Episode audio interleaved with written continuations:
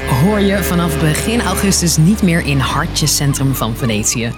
Grote cruiseschepen mogen niet meer aanmeren in de historische en toeristische stad. Want de flats van de zee maken het Italiaanse kustplaatsje letterlijk kapot. Al jarenlang is er protest tegen de cruiseschepen die het kleine Venetië massaal bezoeken. En nu met succes dus.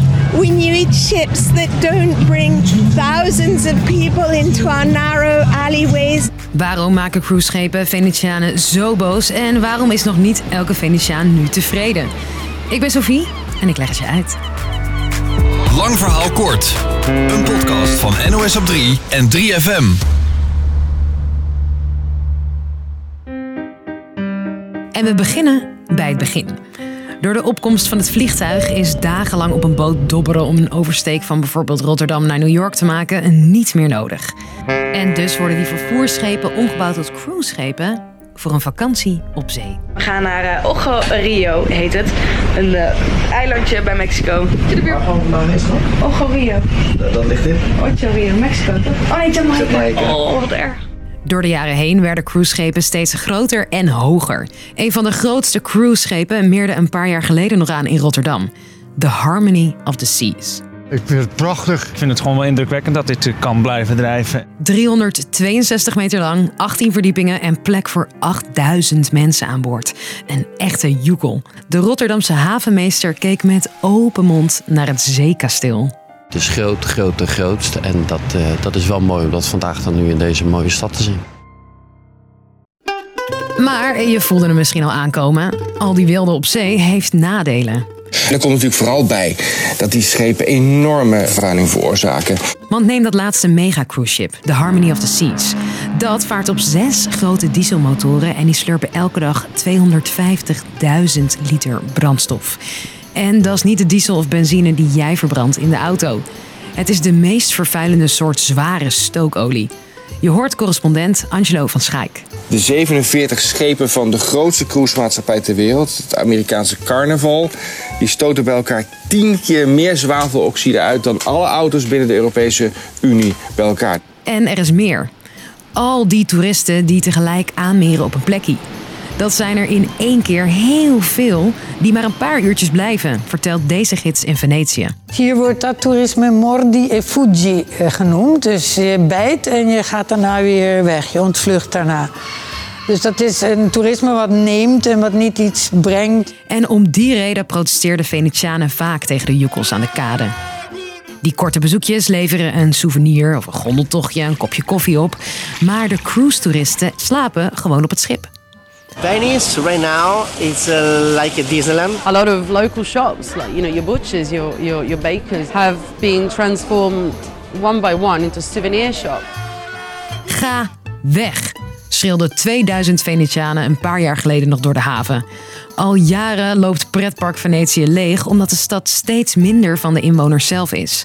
Elk jaar zien er nu nog 50.000 inwoners 30 miljoen toeristen door de smalle steegjes slenteren. En bovenop dat alles gaat het ook nog wel eens mis met die cruiseschepen. Twee jaar geleden botst er eentje op de kade, vlak bij het historische San Marcoplein. De discussie van de afgelopen jaren zorgde voor zoveel druk dat de politiek wel in moest grijpen. Ondanks dat het toerisme veel geld en banen oplevert, moeten de cruiseschepen nu weg uit de historische stad van gondels en kanalen. Wat is nu het plan? De minister van Cultuur noemde het pas een historische dag. Maar davvero Het is een belangrijke dag. Je kunt het gerust een historische dag noemen. Want na jaren van wachten door de hele wereld zullen vanaf 1 augustus geen grote cruiseschepen langs het San Marcoplein of door het Giudecca-kanaal varen. San Marco nel canale della Giudecca. Na jaren wachten mogen de schepen vanaf 1 augustus niet meer langs het San Marcoplein varen. De echt grote joekels, die van 180 meter of langer en hoger dan 35 meter, moeten vanaf nu even verderop aanmeren in een andere haven, vertelt correspondent Angelo van Schaik. UNESCO heeft de Italiaanse regering onder druk gezet. De VN-organisatie had vorige maand al gedreigd Venetië van de lijst van werelderfgoed af te halen en op een zwarte lijst te zetten. Als Italië tenminste niet meer zou doen om de stad te beschermen. Maar dit is slechts stap 1. Want de flats van de zee verdwijnen in de buurt van historische piazza's en basilieken. Maar de massa's cruise-toeristen blijven komen. Nou, de bevolking vindt het eigenlijk een beetje een, uh, ja, een farce. Je ziet die, die, beesten, die, die bakbeesten niet meer, die cruiseschepen niet meer. Maar ze zijn er nog steeds en ze vervuilen ook nog steeds. De Venetianen zelf willen eigenlijk gewoon dat die cruiseschepen helemaal uit de lagune van Venetië gaan verdwijnen. Het is een druppeltje op een grote gloeiende plaat. De massa's toeristen blijven ook met dit mega cruise ship verbod door de smalle Venetiaanse straatjes schokken verwacht deze toeristisch econoom. Ongeveer 4 à 5 miljoen van de bezoekers kwamen van de cruiseschepen. 24 miljoen kwamen niet van de cruiseschepen. Met andere woorden, het is maar een onderdeel, ongeveer een kwart van de markt. Maar het is denk ik wel een belangrijk signaal. Dus ik, ik ben daar wel erg blij mee dat er nu eindelijk eens een keertje een maatregel genomen wordt na jaren van debat. Dus, lang verhaal kort. Venetianen kunnen weer uit hun ramen kijken zonder drijvende zeekastelen langs te zien varen. Jarenlang gingen ze de kade op voor een cruise ship verbod. En nu dat er is, zijn het massatoerisme en de milieuvervuiling niet direct weg, maar slechts een beetje verplaatst. Dat was hem weer voor vandaag. Maandag gaan we weer met volle vaart door met een nieuwe aflevering. En als je even abonneert, mis je nooit de boot. Dankjewel voor het luisteren en tot de volgende.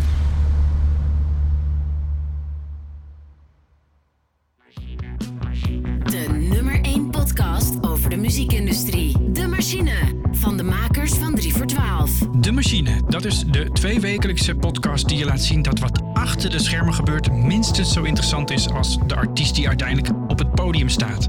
Je hoort van mij en van Niels alles over festivals, streamingdiensten en briljante nieuwe muziekideeën. De Machine. Check je via de 3FM-app of jouw favoriete podcastplatform.